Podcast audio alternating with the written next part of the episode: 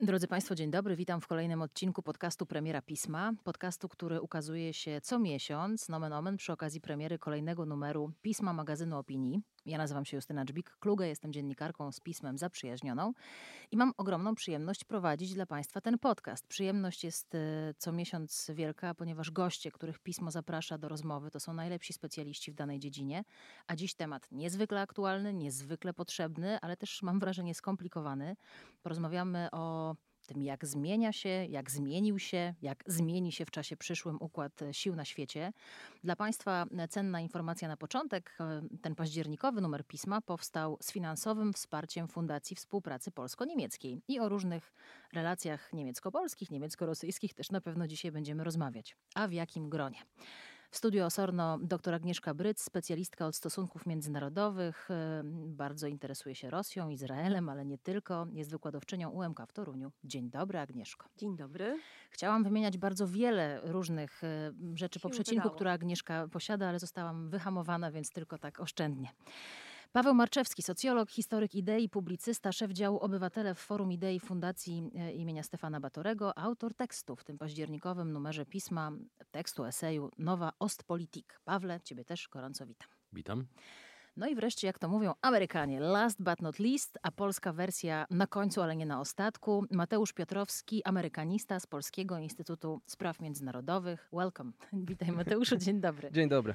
Słuchajcie, ja się dzisiaj przygotowałam e, oczywiście merytorycznie do rozmowy, ale też przygotowałam się i teraz będę otwierać taki gadżet, który kupiłam specjalnie. Nie wiem, czy Państwo to będą słyszeli. Mikrofony są takie, że nie, mogą nie wyłapać. Przyniosłam talię kart E, które sobie tutaj będą leżały za chwilę na stole. Nie wiem, czy są to karty znaczone, czy jest tutaj wiele asów w tej talii. Nie mogę jej otworzyć, to może coś znaczy na temat polityki międzynarodowej. Ale chcemy Was e, wspólnie z koleżankami i kolegami z pisma zapytać o to, kto teraz rozdaje karty, jeśli o politykę międzynarodową chodzi. Pytamy o to w kontekście wojny w Ukrainie, czy rozdaje je Rosja, która tę wojnę rozpoczęła, a może Stany Zjednoczone, które wzmocniły wschodnią flankę NATO, a może Chiny, które coraz głośniej działają. Mówi się, że kolonizują wręcz Zachód, a może też będzie rozdawała Wielka Brytania, chociaż w trudnym momencie po śmierci królowej brytyjskiej. Agnieszko, jak patrzysz na te talie kart, to kim myślisz, kto ją trzyma w dłoniach? To wtedy ja, obrazując Kreml, nie chciałem prezenta Putina, ale tak, będąc w tej rozmowie symbolicznie Rosją, e, to zadałabym takie pytanie, a dlaczego wszystkie asy i te najsilniejsze karty są w rękach Chin?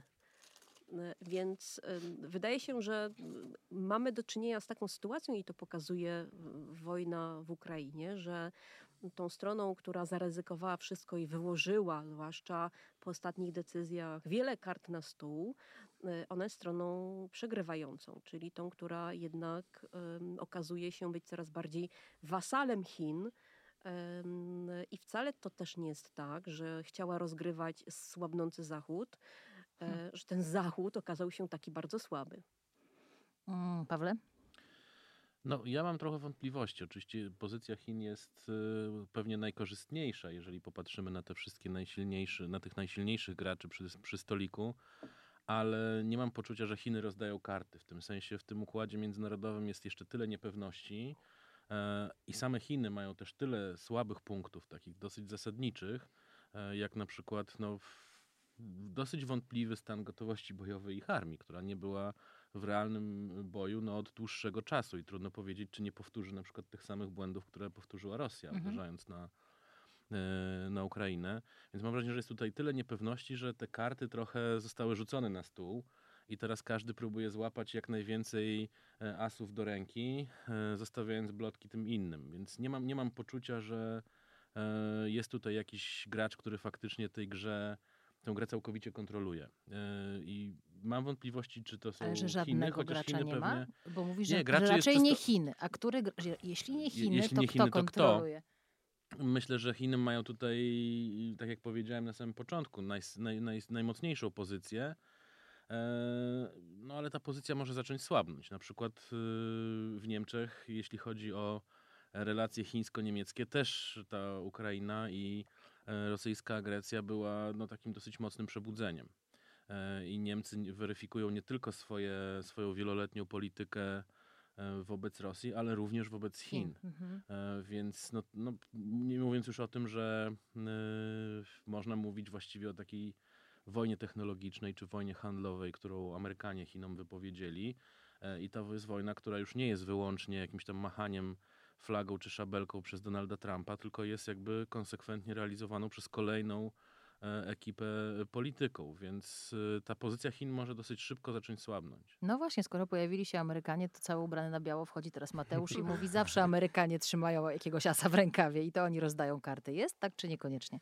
Plusem w tej rozgrywce, y, utrzymam ten klimat karciany, jest to, że owszem, Stany Zjednoczone siedzą przy stole, ale za nimi jest cała masa państw, może nie, niektóre dorzucają karty im pod rękę, w rękaw wsuwając pod stołem, ale wrzucając żetony, by Stany Zjednoczone miały czym, y, czym obstawiać w tej rozgrywce. I plusem jest to, że kiedy Rosja powiedziała sprawdzam, to całe to tło za Stanów Zjednoczonych y, się nie wycofało. Stany Zjednoczone pokazały mocne karty, ale te karty zostały jeszcze wzmocnione e, przez, przez ich sojuszników w NATO. Spoza NATO mamy przecież Australię, e, sojuszników z Azji, którzy też e, z, jednym głosem właściwie ze Stanami Zjednoczonymi zaczęły mówić w kwestii wojny w Ukrainie, nie tylko w kwestii wsparcia dla samej Ukrainy, ale szerzej przestrzegania prawa międzynarodowego też jestem daleki od tego, żeby powiedzieć, że Stany Zjednoczone tutaj kontrolują tę rozgrywkę. Tu Krupier w pewien sposób kontroluje rozgrywkę i to Krupier jest tutaj wypadkową tego, co robią wszyscy gracze przy stole, których to jest Krupierem. żeśmy sobie omówili. No właśnie, Krupiera tak naprawdę nie ma, trochę, trochę samo się to wszystko dzieje. E, to, to wypadkowa tych działań, ale tak, no, na pewno jestem daleki od tego, żeby nazwać Stany Zjednoczone tutaj graczem kontrolującym. Nie bez powodu. E, jeżeli chodzi o relacje z Rosją, być może tak, bo to Rosja raczej posuwa się do kroków dramatycznych, e, próbując sprawdzać Stany Zjednoczone. Natomiast w szerszym kontekście z Chinami, no już zdecydowanie nie. Tutaj są liczne braki tego, gdzie Stany Zjednoczone próbują Chiny podgonić.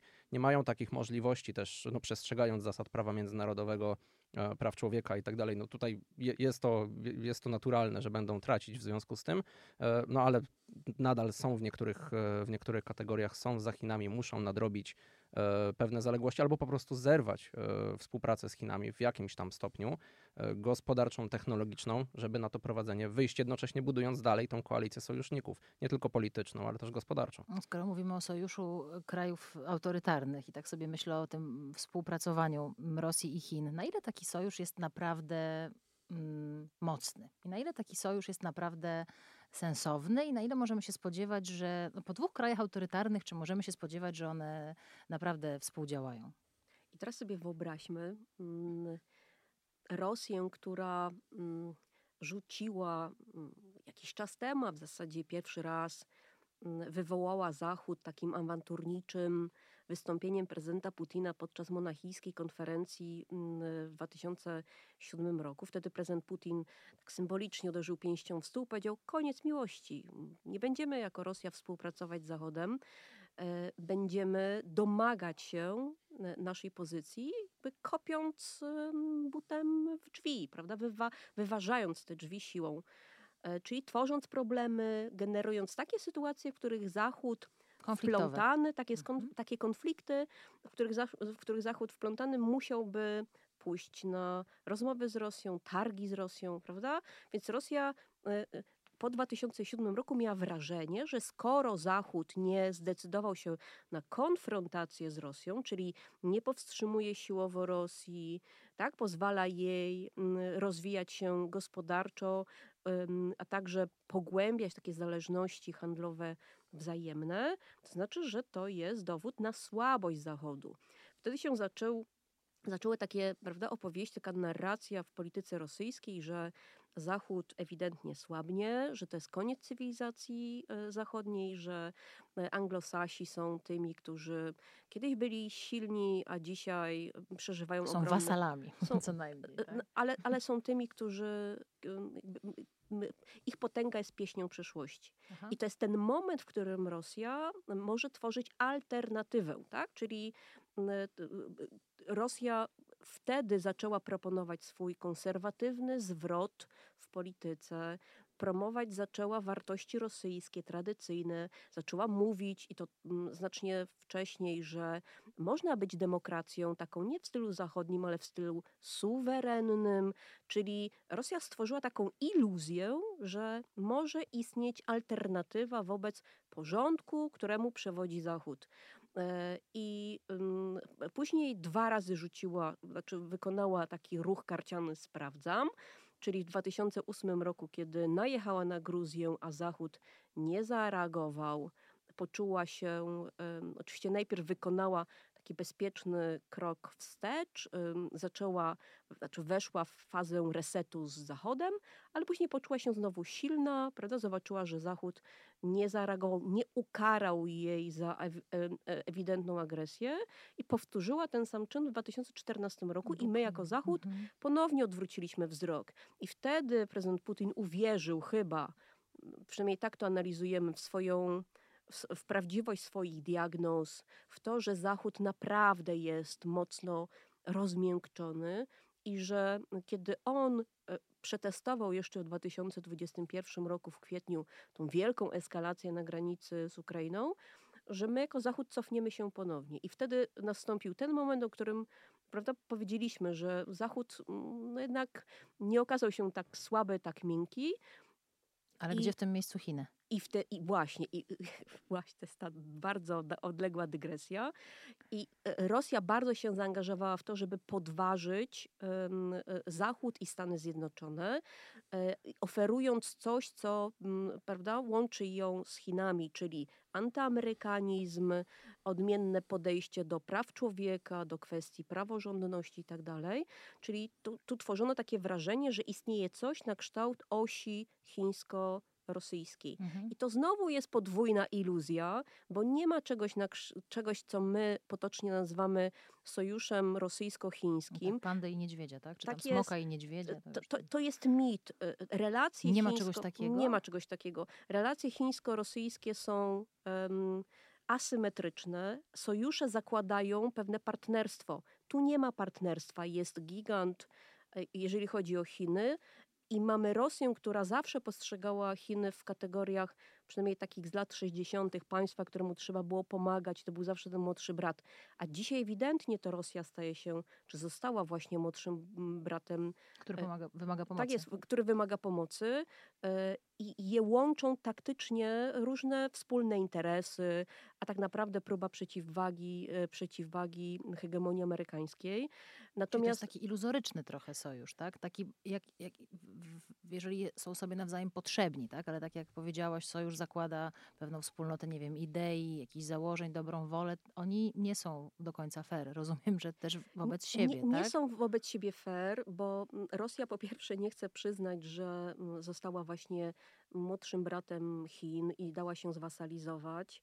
E, co więcej, Rosja zawsze, dla Rosji zawsze punktem odniesienia, czyli tym kierunkiem, w stosunku do kogo zawsze się odnosiła i tam był zawsze punkt odniesienia Rosji, to były Stany Zjednoczone, to był Zachód, a nie Chiny. E, Chiny były wielkim partnerem, który Rosja w międzyczasie skutecznie dozbrajała, ale potrzebowała pieniędzy, e, z którymi Rosja rozwijała współpracę, ale tak naprawdę to Chiny się wzmacniały, a Rosja straciła okazję na tą wielką modernizację. Efekt jest taki, że w warstwie takiej e, politycznej i deklaratywnej prezydent Putin oczywiście stanie i powie, tak, nasi partnerzy w Pekinie. Natomiast ja bardzo wątpię mhm. w to, czy Pekin dokładnie to samo powie, tak, nasi partnerzy, to znaczy równorzędni koledzy z Moskwy, mhm. y, są tymi y, równymi z nami. Panowie, jak wy na to patrzycie? Jestem ciekawa. No ja, się, ja się zgadzam. Trudno mówić o jakimkolwiek partnerstwie, y, w tym sensie, że, że to nie jest układ równych, to z pewnością. Ja bym nawet poszedł dalej, to znaczy, no nie zapominajmy, że jednak są wzajemne tutaj antagonizmy i są roszczenia terytorialne Chin do części terytorium, które Rosja zajęła w XIX wieku. I to nigdy nie zostało zapomniane.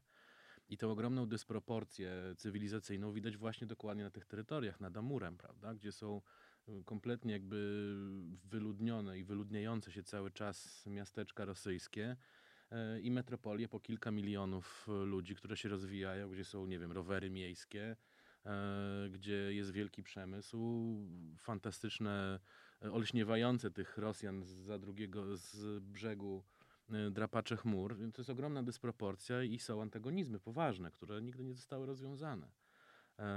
I to, że na przykład chińskie służby specjalne pomogły FSB się zreformować, jeśli chodzi o cyberszpiegostwo, jest zresztą bardzo polecam, to jest świetna książka pary dziennikarzy śledczych, którzy się zajmują rosyjskimi służbami specjalnymi.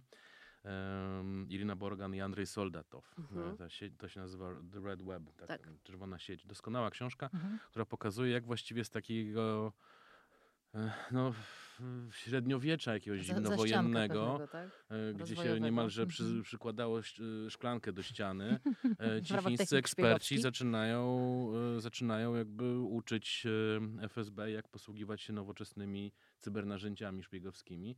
I to, że Chińczycy to zrobili, to wcale nie oznacza, że, że są wielkimi miłośnikami Rosji, wielkimi partnerami. To im było na rękę. Na rękę im było to, żeby to było państwo autorytarne bądź quasi-autorytarne, ale to wcale nie oznacza, że traktują Rosję jako część jakiegoś e, e, wielkiego e, nowego sojuszu globalnego przeciwko Zachodowi, Stanom Zjednoczonym, Unii Europejskiej i tak dalej. Tak, tak moim zdaniem nie jest. I to widzimy już. No nie ma chińskich dostaw broni dla, dla Rosji. Mhm. Mateusz, a ty jak patrzysz na ten no, nie sojusz, pseudosojusz, półsojusz chińsko-rosyjski? No z perspektywy amerykańskiej, e, to co się w debacie eksperckiej pojawia, no ewidentnie jest to odnotowane od jakiegoś czasu, że ta współpraca jest i tylko, że tutaj właśnie dochodzi do, do rozjazdów dwie strony. Z jednej strony mamy sojusz i mówienie o tym na przykład, że w przypadku nakładania sankcji na Rosję spychamy Rosji w stronę Chin, Chiny i Rosja będą coraz bardziej współpracować, sami sobie kopiemy jakiś taki grup, czy tworzymy pewne ryzyko jeszcze większe z tym związane. Druga strona odpowiada na to, że e, trochę stadionowo mi to wyszło. E, druga strona odpowiada, tak, tak jak e, przedstawiliście to przed chwilą, że będą współpracować w wybranych obszarach, ale to nie oznacza wzrostu jakiegoś Mhm. ogromnego bloku. To Chiny jednak będą sterować tym, jak ta współpraca będzie wyglądać i tam, gdzie im się będzie to opłacać, to oczywiście będą to robić bezpośrednio im albo pośrednio w ramach destabilizowania, czy to Stanów Zjednoczonych, czy, ale też do pewnego stopnia, bo właśnie gdyby, e, gdyby to było bez, e, miało być bezceremonialne, to te dostawy broni dla Rosji na pewno by się No pojawiły a przecież się nie pojawiają. Natomiast cały czas w debacie nadal jest to obecne faktycznie. Ciężko to pewnie będzie w Stanach Zjednoczonych wyplenić, w środowiskach eksperckich, a więc i politycznych, że ta współpraca rosyjsko-chińska może zmierzać w taką stronę no, absolutnie bez granic, że będą współpracować e, w każdym możliwym aspekcie, czerpiąc z korzyści obu, z obu stron, co mi się wydaje akurat mało, mało prawdopodobne. To Rosja jednak jest już chyba tym mniejszym bratem i musi się z tym Mhm. pogodzić. Przynajmniej E, tymczasowo. tak, przynajmniej tymczasowo w jakiejś, w jakiejś perspektywie krótkiej bądź średniej na pewno. E, Co na to amerykańskie środowiska eksperckie zobaczymy. Pytanie też, jak długo utrzyma się w Stanach w ogóle konsensus dla tego, żeby utrzymywać te sankcje z Rosją. To jest rzecz, która mnie bardzo osobiście martwi, kłopocze zresztą na pewno nie tylko mnie.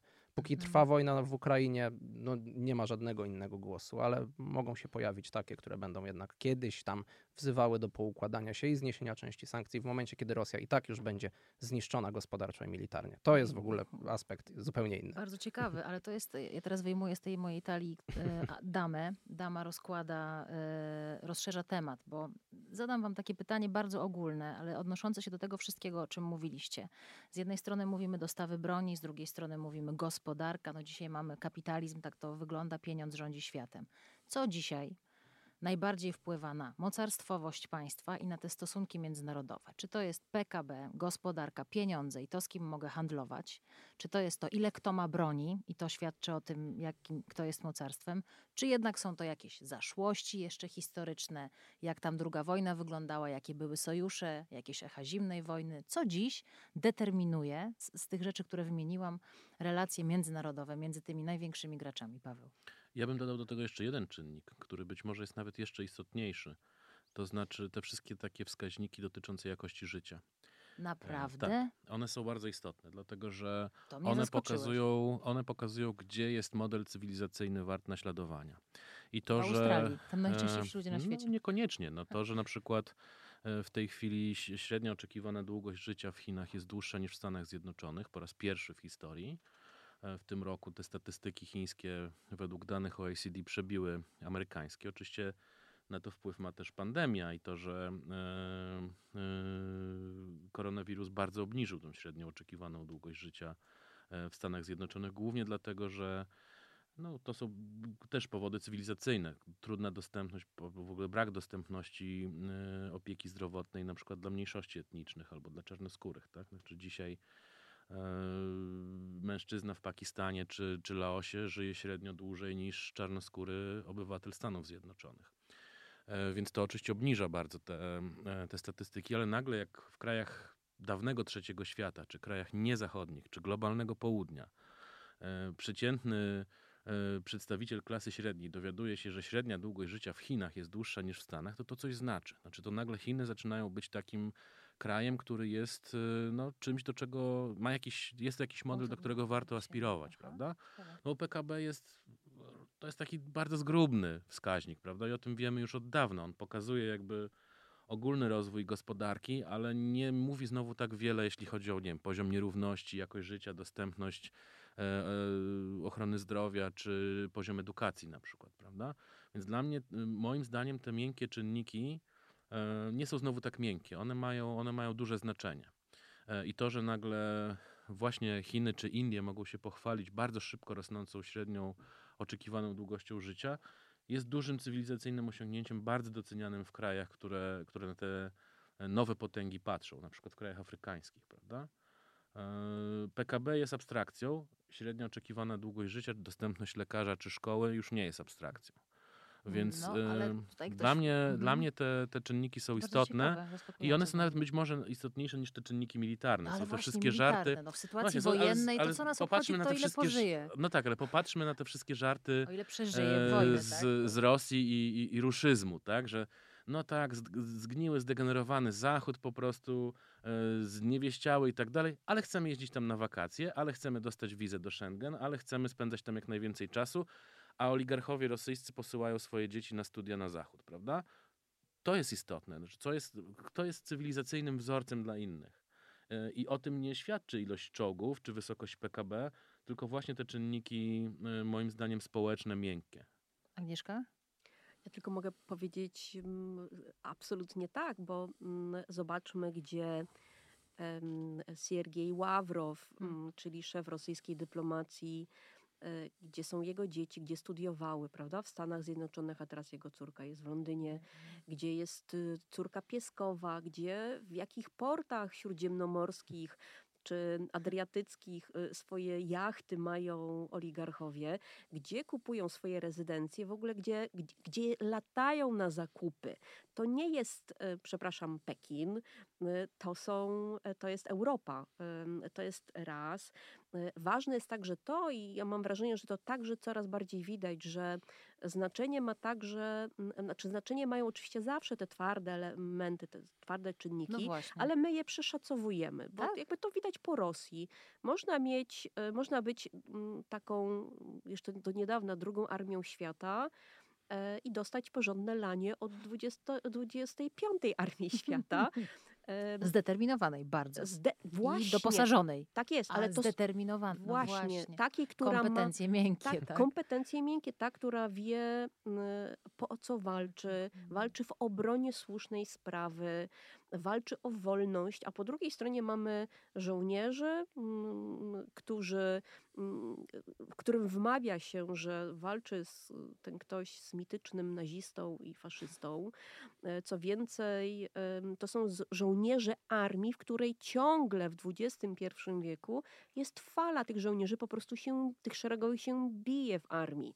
E, co więcej, Rosja jest państwem e, teoretycznie bardzo rozwiniętym, to widać w dużych miastach, ale cywilizacyjnie to Rosja ciągle ma wiele do odrobienia, bo jeżeli popatrzymy na takie wskaźniki miękkie, no to na przykład wskaźnik przemocy rodzinnej w Rosji jest jeden z największych w świecie. Okazuje się, że badania potwierdzają, że najbardziej niebezpiecznym miejscem dla życia kobiety rosyjskiej jest jej dom ponad 60% kobiet, które giną w Rosji, one giną w warunkach domowych, od przemocy domowej. I to się, prawda, nawarstwia, ta przemoc jest wszędzie. Militaryzacja życia i militaryzacja języka, prawda, kultury powoduje, że Rosjanie żyją, w, znaczy mogli wykorzystać szansę, którą dostali po 91 roku, ale oni ją bardzo szybko zmarnowali i poszli w kierunku przejedzonej modernizacji, która się zmieniła w militaryzację, e, zmarnowali szansę na bycie, znaczy na dołączenie do tej strefy wolności, jaką jest świat zachodni, bo i to też trochę są ofiarą swojej przeszłości. E, bo ich doświadczenia z demokracją były albo wybiórcze, albo traumatyczne, zwłaszcza te mm, z okresu pierestrojki. I im wmówiono później, zrobił to prezydent Putin, siłownicy, którzy na gospodarce i właśnie na kwestiach społecznych kompletnie się nie znają, oni je ignorują, bo to nie jest ta wielka polityka, Tak, ale oni wmówili Rosjanom, że demokracja to jest w ogóle perspektywa kolejnej smuty, że przemiany i reformy liberalne to jest w ogóle kradzież, bandyctwo i kolejny raz ym, oligarchowie u władzy. Więc Rosjanie nabrali takiego obrzydzenia trochę do mm, tej demokracji, która kojarzy się z zachodnią demokracją, tam gdzie jest za dużo wolności, prawda? Gdzie każdy robi co chce, ale jednocześnie to jest trochę takie guilty pleasure dla Rosjan. To, takie, tak, prawda? to jest to, co oni jednak podświadomie jakby No tak. chcieliby. Do, Nienawidzę i chciałbym. I chciałbym mi się, nie chcę, tak? Nienaw- nie to, że chciałbym i się boję, po prostu chciałbym i nienawidzę. Tak? Dokładnie. Gardzę, ale jednak pragnąłbym też tak. No, tak, więc to jest ten Korzystam, moment. ale bez przyjemności. Korzystam, właśnie. To jest, no dobrze, ale y, bo tutaj zaczęliśmy od tego bardzo ciekawego wątku, y, co świadczy o mocarstwowości. Mówicie, no militaria, dobra, PKB, dobra, miękkie kompetencje, czy tak w cudzysłowie oczywiście, tak? Ale długość życia, jakość życia. Mateusz, jak, jak ty na to patrzysz? Ja się zgodzę z tymi miękkimi kompetencjami w dużym stopniu, jak najbardziej. Z, z, I nierównościami, to o czym mówiłeś. Z jednej strony Stany Zjednoczone to państwo, gdzie mamy najlepsze uniwersytety, masę specjalistów, ale możliwość zdobycia tego wykształcenia wyższego jest jednak ograniczona z powodu nierówności, z powodu braku finansów na to. To, to jest coś, co nie zawsze jest oddawane we wskaźnikach, co, co, co nie jest tak łatwo włapać w porównaniu krajowych y, poszczególnych państw. Dopiero na poziomie krajowym możemy to odnotować. Natomiast E, Jednak do tych militariów się odniosę, bo mam wrażenie, że Stany Zjednoczone bez silnych sił zbrojnych, licznych, obecnych praktycznie na całym świecie w jakimś stopniu, nie miałyby tak pewnej pozycji. Gdyby Stany Zjednoczone zaczęły z roku na rok obniżać finansowanie swoich sił zbrojnych, wycofywać jednostki marynarki, zrezygnowałyby z lotniskowców, posiadania wojsk w, w Europie, nie wiem, ograniczyłyby obecność do połowy, do 50 tysięcy wojsk w Europie, to to zainteresowanie współpracą ze Stanami Zjednoczonymi e, byłoby, no, myślę, nie aż tak interesujące. Dla części sojuszników na pewno, ale ta oferta dla państw nowych, z którymi Stany Zjednoczone powiedzmy starają się rozwijać współpracę e, partnerami na przykład z ASEANu w Azji Południowo-Wschodniej, to mogłoby nie być tak atrakcyjne, bo Mm. to jednak jest jeden z fundamentów e, wchodzenia we współpracę ze Stanami Zjednoczonymi. Liczymy na to, że w momencie kryzysu, którego oczywiście nikt nie chce, wchodząc w tą współpracę z, USA, ale jednak szykujemy się na to, że gdy do czegoś dojdzie, to Stany Zjednoczone przyjdą nam z pomocą. Nie po to też Polska przecież ściąga, e, ściąga amerykańskich żołnierzy do, do, siebie, żeby ich mieć od tak, tylko żeby w razie kryzysu, który miejmy nadzieję się nie wydarzy, tutaj byli i przyszli z pomocą. E, Gdyby ta obecność amerykańska zagraniczna była ograniczona e, albo mm, z, powodu redukcji sił zbrojnych, albo po prostu ograniczona na świecie z powodu polityki izolacjonistycznej, braku potrzeby posiadania wojsk e, Tak. za granicą, bo komuś się tak uwidzi, myślę, że ta, pozy, że ta pozycja Stanów Zjednoczonych po pierwsze byłaby osłabiona sama z siebie, a po drugie no, zostawiałoby to duże pole do działania Rosji i Chin, bo to nawet było widać w ONZ, kiedy Stany Zjednoczone się wycofywały z poszczególnych organów za prezydenturę Donalda Trumpa. To od razu stało się lepsze forum do przedstawiania argumentów przez Rosję i, i przez Chiny, bo nie było kontrgłosu Stanów Zjednoczonych, które mogłyby odbić piłeczkę. Swoją drogą te militaria, czy ten aspekt militarny, to jest przecież taki, jak sobie myślę o popkulturze amerykańskiej nawet, tak? American Paid, paid Patriota amerykański, tak? Te patriotyczne filmy różne, gdzie się pojawiają żołnierze amerykańscy. Miałam niedawno okazję robić rozmowę z Nawalem, byłym gromowcem, który służył też z Amerykanami i on opowiadał o tym, jak armia amerykańska jest w ogóle traktowana. Oni przyjeżdżają, stawiają najpierw swojego McDonalda, stawiają swoją kantynę. Ci żołnierze, nasi chłopcy, tak? To jest cały taki skonstruowany przez lata przekaz, message, który jest zbudowany właśnie na sile, na naszych chłopakach, na armii. To przecież i chyba jeszcze z czasów wietnamskich, chociaż no wtedy to specyficzna sytuacja, ale to też byli nasi chłopcy, tak? Więc to rzeczywiście trudno sobie poza miękkimi kompetencjami wyobrazić Amerykę bez tej podwaliny wojskowej i mocarstwowości. Jasne, chociaż tutaj też jest oczywiście ten element miękki, dlatego że dla bardzo wielu e, młodych Amerykanek, Amerykanów, zwłaszcza z tych e, z nieuprzywilejowanych rodzin, gorzej sytuowanych ekonomicznie, no to jest po prostu ścieżka awansu społecznego. Tak, ja przez jakiś czas mieszkałem na Midwestie i armia tam jest wszędzie. Armia jest po prostu drogą awansu e, takiego naprawdę poważnego, finansowego. Finansują też e, edukację e, w sytuacji, kiedy ktoś podczas służby, nie wiem, dwóch, trzech kolejnych tur w Iraku uszkodza sobie kolano, dostaje dożywotnią rentę, co w takim miasteczku, do którego wraca, no to jest niebagatelne, no to jest generalnie jakby zapewnienie jakiejś tam, jakiegoś tam poziomu życia do, do, do śmierci tak naprawdę, tak? Więc to jest, to jest rzeczywiście też ważna część tego społeczeństwa, prawda? I w tym sensie tego Tak. bym też tak do końca nie odrywał. Oczywiście to, ile Amerykanie mają sprzętu, e, ilu tych żołnierzy faktycznie jest, ilu ich stacjonuje w Europie, to, to wszystko, o czym, o czym już mówiliśmy, to jest bardzo ważne. Ale też to jest po prostu w, pewnej, w pewnym sensie militarne społeczeństwo, tak? gdzie, gdzie ta armia rzeczywiście odgrywa bardzo ważną e, rolę społeczną i nie, nie, nie na darmo jakby tacy klasyczni socjologowie typu Mills mówili właśnie o kompleksie takim przemysłowo-militarnym, jeśli chodzi o Mhm. gospodarkę amerykańską, prawda? To, to, to nie jest puste słowo. I nie chcę w tym sensie powiedzieć, że to jest jakaś tam dyktatura militarna. Nie, nie, zupełnie nie, E, ale raczej chodzi mi o to, że to jest zawsze ważna część tak. społeczeństwa. To- Nie zawsze dobrze rozumiana też w Europie, mam wrażenie. Ja się zgodzę z tym, tylko do dużo dorzucę symbol, który bardzo lubię dorzucać. E, Gdyby w Polsce, na każ- czy w innym państwie europejskim, na każdym meczu możliwej e, dyscypliny pojawiał się przelot samolotów, od razu ktoś zacząłby liczyć koszty, ile to kosztuje państwo. Tam jest to po prostu element patriotyczny. Zawsze Mhm. na bardziej lokalnym, bardziej krajowym poziomie, ale jednak po prostu te wojsko jest obecne. To jest dla mnie tylko jeden wyciągnięty symbol, ale każdy się właściwie z tym zgadza. Jest raczej powszechny szacunek dla żołnierzy i to jest faktycznie, nie wynika to z dyktatury militarnej, ale po prostu jakiegoś związania społecznego tak, tak. y, z, z siłami zbrojnymi, jasne. Do Polski to dojdziemy. Polskę sobie zostawmy tutaj. Nie wiem, która karta będzie, może Joker będzie polski, nie wiem, nie wiem, ale powiedziałeś, e, Paweł, takie określenie, że militarne społeczeństwo. Kiedy mówisz militarne społeczeństwo, to mnie się kojarzy Izrael. I chciałabym trochę rozszerzyć tę grupę przy stole, bo mamy przy stole Chiny, mamy Amerykę, mamy Rosję. Zaprośmy inne kraje. Jak e, te karty rozdają inne kraje, takie jak Izrael, jak Indie, wzmiankowane przez chwilę, jak Niemcy, Wielka Brytania.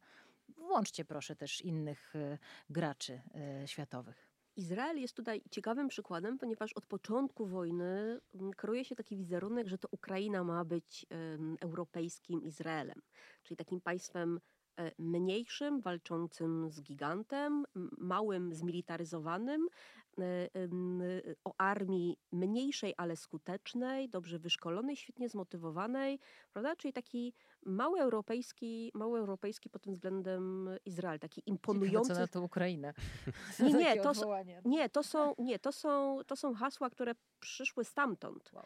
E, ale one też mają mobilizować społeczeństwo, bo mm, Izrael mm, jest przecież tym symbolem narodu żołnierzy, tym państwem, które jest przykładem em, kraju zmilitaryzowanego i takiego, które stoi na armii, bo to z armii wywodzą się- elity polityczne, z armii wywodzi się postęp gospodarczy i technologiczny i to z armii wywodzi się, prawda, ten taki międzynarodowy obraz e, Izraela, oczywiście ze wszystkimi obciążeniami.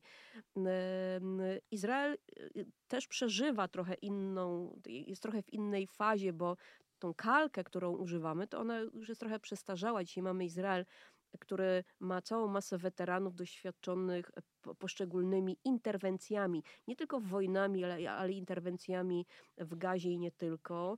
To, są, to jest społeczeństwo, które przeżyło e, od lat 90. taki proces modernizacji, wzrostu gospodarczego i oni po prostu zamarzyli o tym, żeby żyć w normalnym Mhm. kraju bez interwencji co kilkanaście miesięcy. I żołnierzy wszędzie w różnych miejscach, tak? Dokładnie. Ulicach jako stałego elementu. Co tak. więcej, tam mamy wyjątkowy poziom kształcenia edukacji, i to wszystko powoduje, że oni są nauczeni myślenia e, krytycznego i e, e, e, może inaczej, weryfikowania i sprawdzania swoich władz. To jest społeczeństwo, które dosyć łatwo wychodzi na ulicę i protestuje i robi to boleśnie, długo.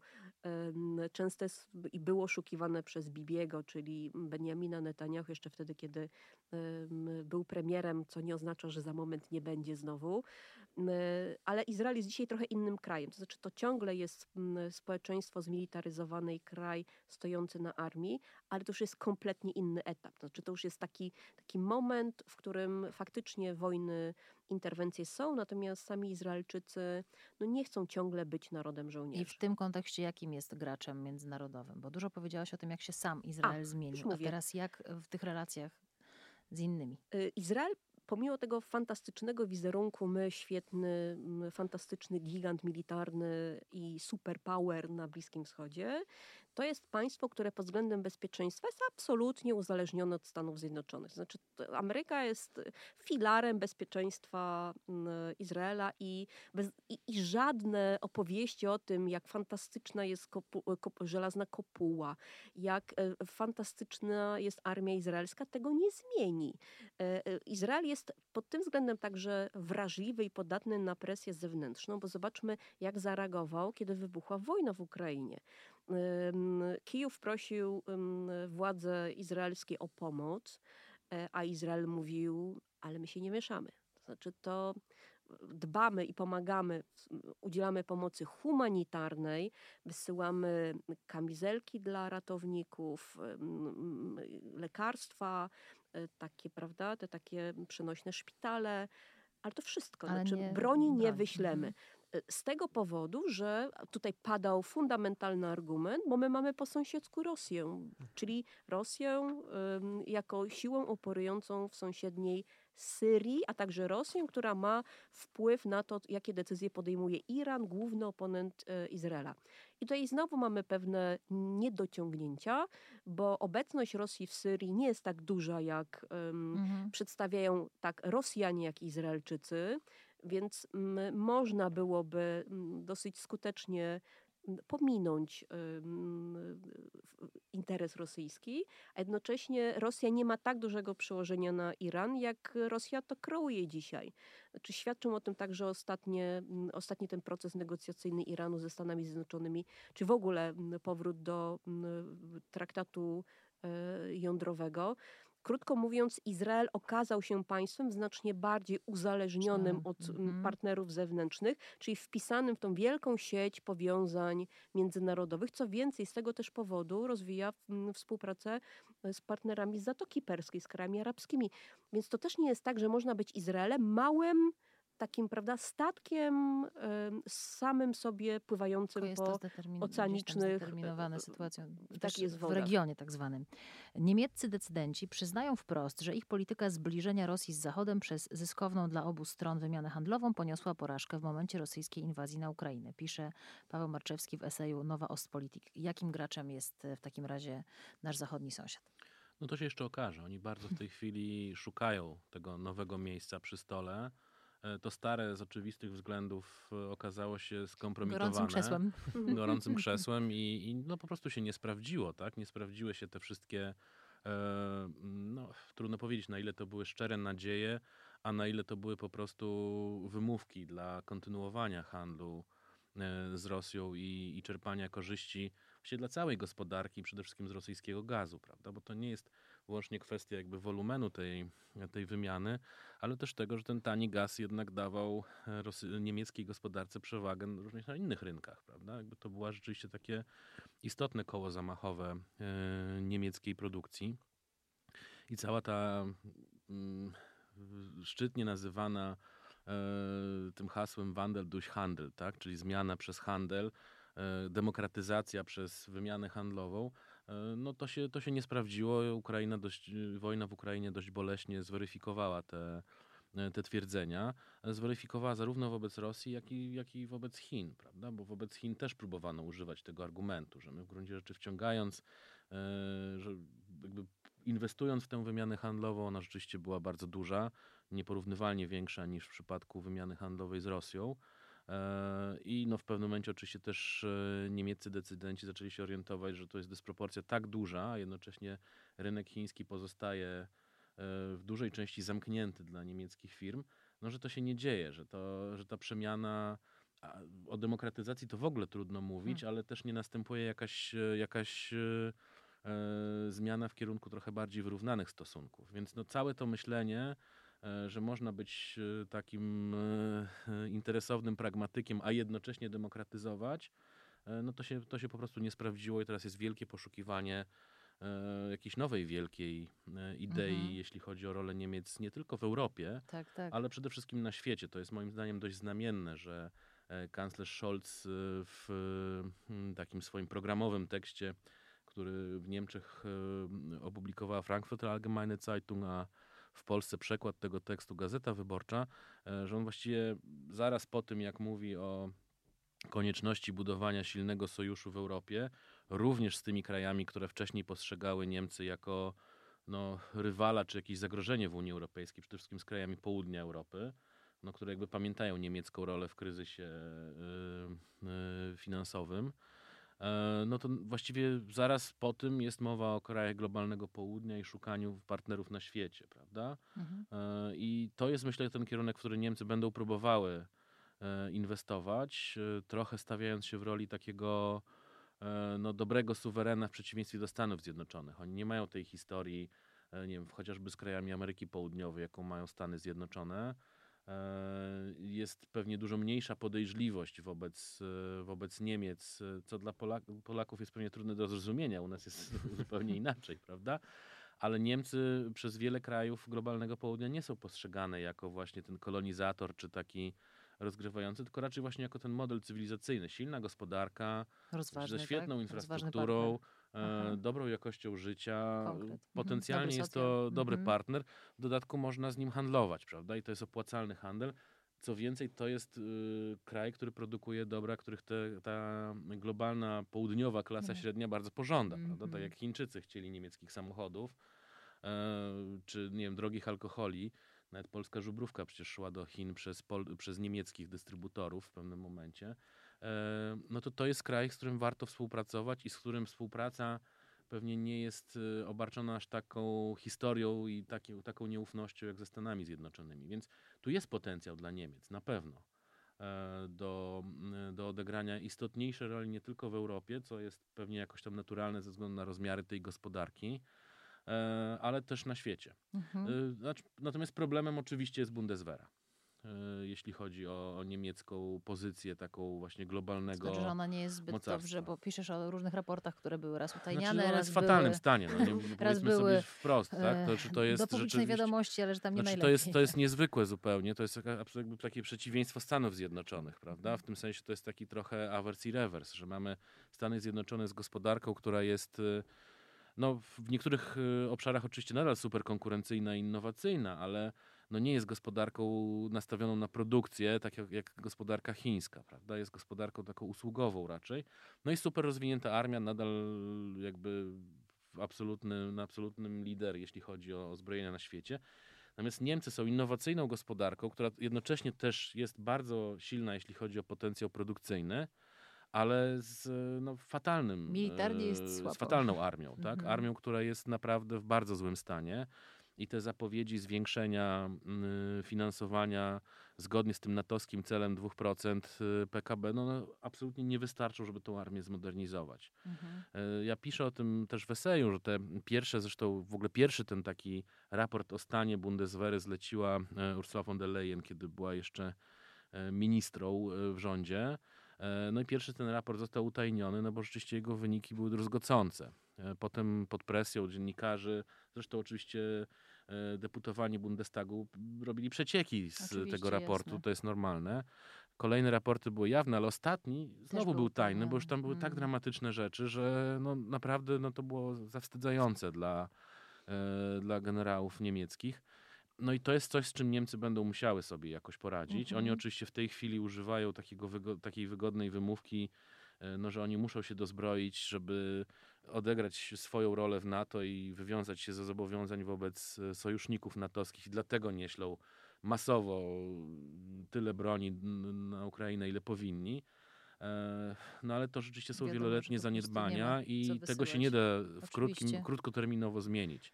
I podejrzewam, że też no, nie da się mimo wszystko mimo jakby jakości yy, i znaczenia tych wszystkich miękkich wskaźników, odegrać globa roli globalnej potęgi bez wzmocnienia armii. No to, to co powiedziałeś, o, o, czym też jest twój esej, pewien znak zapytania, jeśli chodzi o Niemcy, ale mnie się, bo mówimy o różnych y, wskaźnikach oceniających sytuację danego kraju, jest taki wskaźnik, który jest po prostu świętym, mianowicie cena baryłki ropy.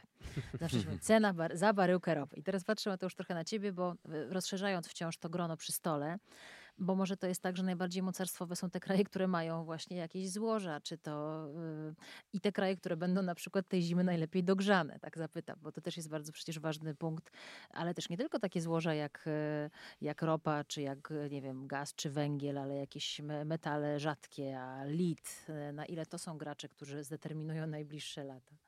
To jest faktycznie ciekawy aspekt, nawet jeszcze zostając przy samej ropie i patrząc na to, jak w Stanach Zjednoczonych podniosła się cena benzyny, mimo że ich zużycie czy zapotrzebowanie w 80% pochodzi z własnych, z własnych zasobów, e, a jednak ta cena skoczyła dwukrotnie w stosunku do początku prezydentury Bidena, e, no dla Amerykanów to był po prostu ciężki szok, że galon benzyny może kosztować aż tyle. To... Tak, tak pamiętam te materiały, wszyscy, każdy korespondent CNN po prostu mówiący i wszyscy kończący o ropie, tak, że dlaczego jest tak drogo. Tak, tak. I czy, czy, czy będzie jeszcze może nie daj Boże drożej. Tak, e, tak. ale to, to, to nie dotyczy tylko tego. No akurat może jeżeli chodzi o gaz, Stany Zjednoczone są bezpieczne. A z metalami właśnie rzadkimi to jest e, fajnie, że to wyciągnęłaś, bo tutaj Stany Zjednoczone są uzależnione bardzo. I no, nie chcę tutaj twierdzić, że państwa, które wydobywają poszczególne jakieś surowce, bądź ich nie wydobywają, będą rozgrywać e, karty, ale no, jeżeli mówimy o rywalizacji mocarstw, no tutaj akurat szczególnie chińsko-amerykańskiej, gdzie też nowe technologie e, odgrywają ogromne znaczenie. Stany Zjednoczone to podkreślają e, w przypadku Chin, że potencjał e, ten technologiczny, który muszą nadrobić jest ogromny, no to tutaj jakaś rola tych państw musi, musi być w tym. Po Arabii Saudyjskiej na przykład widzieliśmy i dalej widzimy, że wstrzymywanie produkcji ropy, no jednak może tutaj nie rozgry, nie nazwę jej tym krupierem e, w tym rozdaniu kart, no ale jednak coś, jakąś rolę istotną odgrywają. Na tyle były Stany Zjednoczone, e, nie wiem czy to nazwać z desper desperacją, poniekąd może tak, że zaczęły rozmawiać równolegle i z Arabią Saudyjską i z Wenezuelą, przyspieszyły rozmowy przecież z Iranem, no, zostały trochę wywrócone w innym stopniu, ale Stany Zjednoczone jednak poszukiwały w ramach swojej dyplomacji metod na to, by uspokoić ten kryzys energetyczny na tyle, na ile mogą, akurat w przypadku ropy. A, więc tutaj rola jest zdecydowanie do odegrania. Amerykanie mają ten problem faktycznie, że w dialogu z tutaj już szerzej może się odniosę z Ameryką Południową, no mają naleciałości z, z zimnej wojny, których no nie da się, a nawet sięgających dalej jeszcze właściwie mm -hmm. z mhm. początków swojej państwowości, gdy sobie e, USA uzmysłowiły, że na, na, kontynentach obu Ameryk mogą jednak te, trochę po, porozrabiać. Um, natomiast w Afryce no, jest, wydaje mi się, potencjał do współpracy, tylko Amerykanie nie mają absolutnie na niego pomysłu. pomysłu. Mhm. Co roku, może nie co roku, ale co kilka lat pojawia się jakaś strategia. W tym roku administracja Bidena wypluła strategię subsaharyjską. No, nie ma tam świeżości, jeżeli chodzi o współpracę gospodarczą. Jest oczywiście problem pandemii, e, współpracy w, nie tylko COVID-19, ale właśnie współpracy dotyczącej ochrony zdrowia. Mhm no, podobne hasła były powtarzane przez administrację Obamy za, w przypadku eboli, także to dla, dla mnie to, to jest brak świeżości. Ewidentnie jest potencjał, by kontrolować wpływy i Rosji, i Chin w, w, Afryce, natomiast mam wrażenie, że Amerykanom pomysłu. brakuje mhm. dobrego pomysłu i dobrej oferty, którą mogłyby przedstawić, a to jest oczywiście też osobny problem, problem korupcji w części tych państw, tego jak kierować Jasne. środki, to już w ogóle odskakują od tematu, a starając się do niego wrócić, jednak zdyscyplinując samego siebie, na pewno jest rola tych państw do odegrania, e, ale znowuż odnosząc się do dygresji karcianej, raczej podsuwania kart pod stołem tym, tym głównym graczom niż mhm. siadania do tego samego stołu, bo mogłyby po prostu bardzo szybko stracić całą pulę. No to słuchajcie, to jeszcze żebyśmy zamknęli już, mamy jeszcze jakieś jedno, dwa miejsca przy tym stole. Czy e, Wielka Brytania do tego stołu siądzie, czy teraz się zajmie swoimi sprawami związanymi z, z monarchią, z, z tym wewnętrznym pe pewnym kryzysem? Kogo jeszcze z takich e, międzynarodowych graczy pominęliśmy w tej rozmowie, a powinien się tutaj znaleźć? No, mamy kilku takich ciekawych. Nie graczy. mamy za dużo miejsc, dwa miejsca. Dobrze, ale tak szybciutko. Wielka Brytania. Spokojnie, spokojnie, to tak nie jest, dlatego. Na pewno Wielka Brytania staje się odrębnym graczem ale y, to jest trochę takie przesunięcie w ramach tego samego obozu, prawda? Jakby mamy po Brexicie Wielką Brytanię oddzieloną od Unii Europejskiej, ale ciągle gracza europejskiego i transatlantyckiego, czyli ciągle jest rodzina krajów zachodnich, znacznie bardziej wyemancypowana, co oznacza, że i to widać także w kontekście wojny w Ukrainie, że Wielka Brytania stała się takim jednym z filarów y, rodzącej się osi państw, powiedziałabym, tego bloku zwycięstwa, bo mamy w Europie i na Zachodzie blok pokoju, czyli te kraje, które są skłonne rozmawiać. Jak ładnie to nazywasz, a blok zwycięstwa, jak już też projektujesz przyszłość. Nie, nie, to, to wow. ja, ja, kopiuję tylko określenie, które faktycznie funkcjonuje. Aha.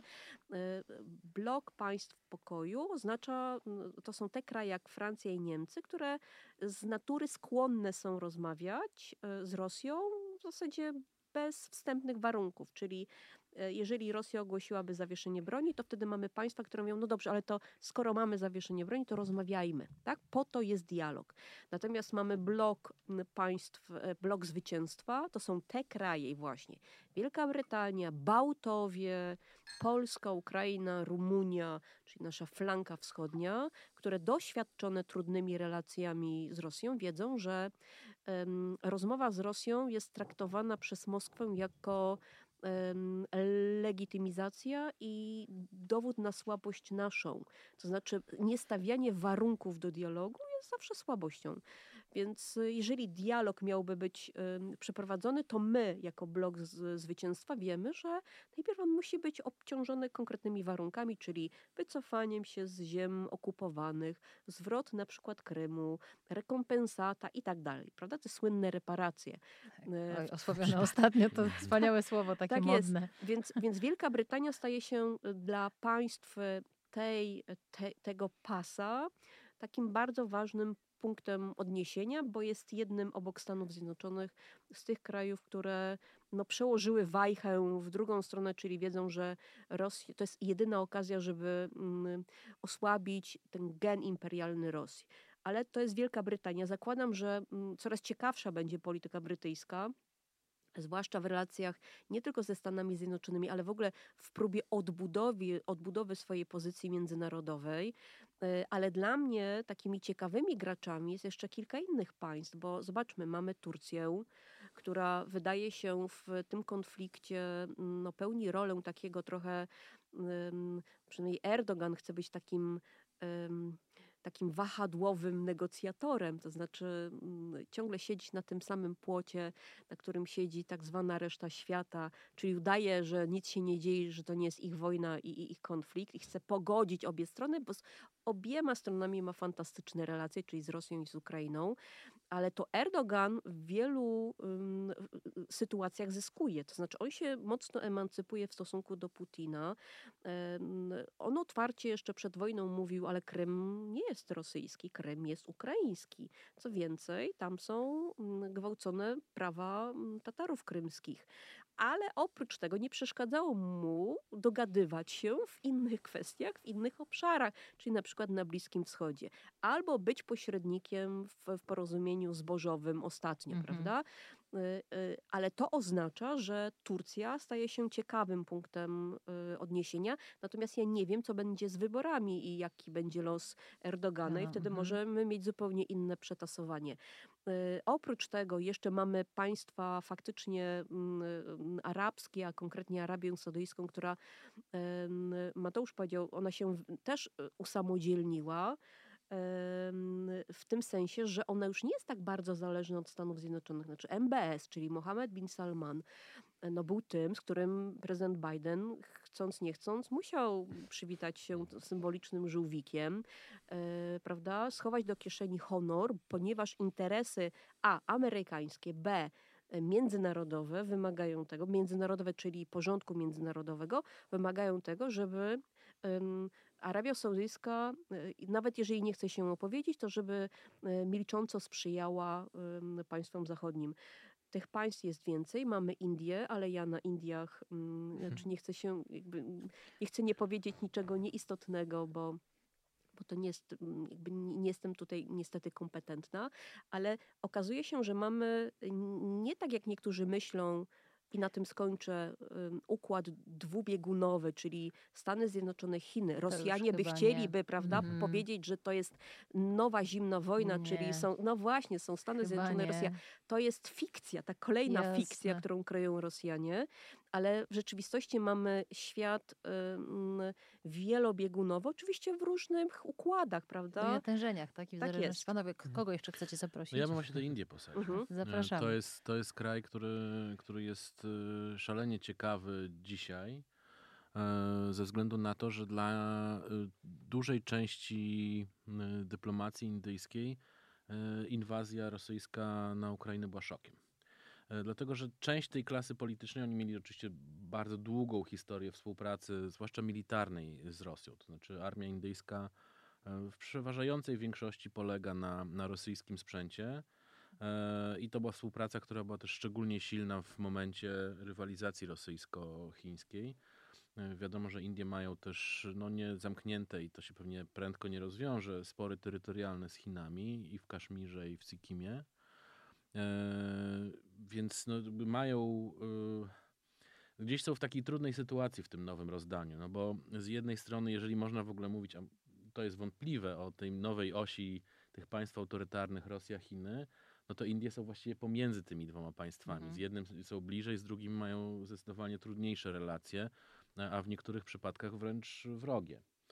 E, Więc tutaj się średnio mieszczy, średnio jakby dla nich ta, e, ta nowa współpraca, o ile ona miałaby zostać zacieś- zacieśniona, ona średnio dla, dla Indii działa. E, To jest kraj, który jednocześnie mm, z, Zachodem próbuje współpracować i, i otwierać się i było ileś prób otwarcia na Indię ze strony też amerykańskiej dyplomacji, ale one też to takie trochę zawsze połowiczne. Aha.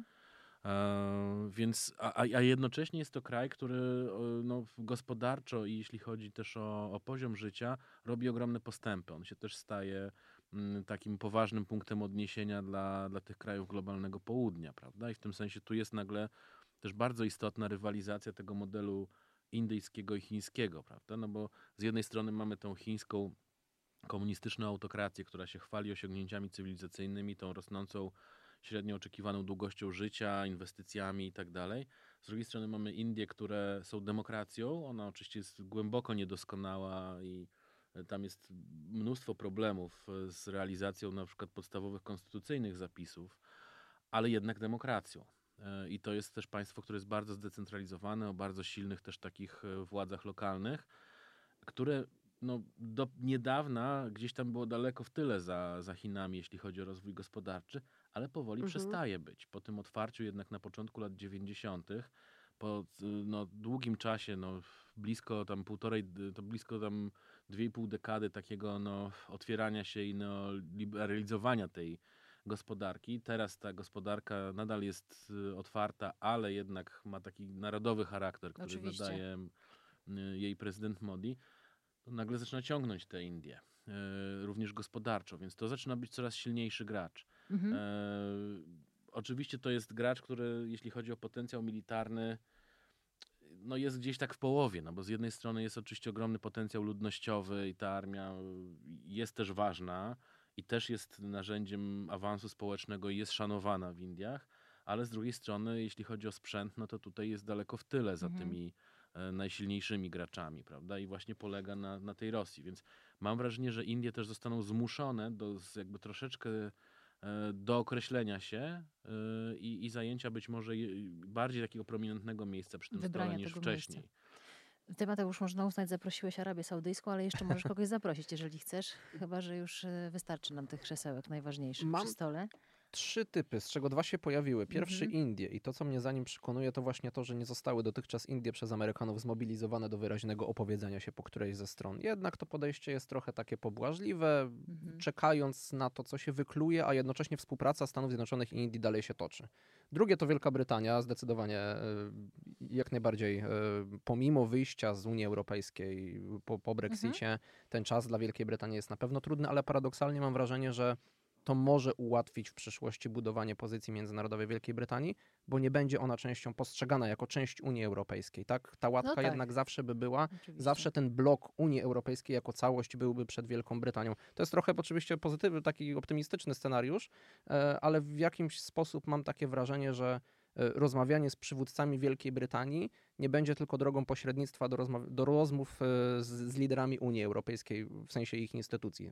To taki argument mi się w głowie zrodził. Natomiast trzeci, nie wiem czy przy tym samym stole, czy znowuż niejako wsparcie. Pod stoliki, e, idziemy w podstoliki. Właśnie dobra? coś mnie kusi z tym podawaniem kart pod stolikiem. Ja jestem zaskoczony tym, jak Australia zareagowała mhm. na, na, na, na, pomoc, znaczy no, na inwazję rosyjską, ale jak zaangażowała się we wsparcie Ukrainy. No, patrząc na mapę, ciężko by było sobie wybrać średnie państwo, które mogłoby się zaangażować bardziej, a, nie podawać argumentów, że mają własne problemy. E, no jednocześnie, jeżeli dodamy do tego to, jak zmieniła się polityka wobec Chin, jak bardzo poszukują współpracy i ze Stanami, jednocześnie z Wielką Brytanią przez ogłoszony rok temu AUKUS, e, no to jest to dla mnie państwo z ogromnym potencjałem, żeby mhm. trochę no, pozytywnym sensie namieszać e, w Indo-Pacyfiku, ale to jest zaangażowanie w pomoc Ukrainie pokazuje, że ambicje są też szersze, nie takie czysto egoistyczne ambicje, ale obrony tego obecnego mimo wszystko nadal obowiązującego ładu międzynarodowego, Światowego. opartego mhm. o zasady prawa międzynarodowego systemu ONZ-owski. Na tym skończę. Oto to. To słuchajcie, wbrew pozorom wcale nie kończymy naszej rozmowy, bo ja mam do Was jeszcze dwa pytania naiwne, a potem na koniec wrócimy nad Wisłę. Pytanie naiwne numer jeden bardzo chcę Wam zadać i tutaj padło ONZ-owski system Unia Europejska. Jaka jest rola czy znaczenie organizacji międzynarodowych dzisiaj w tym ładzie międzynarodowym?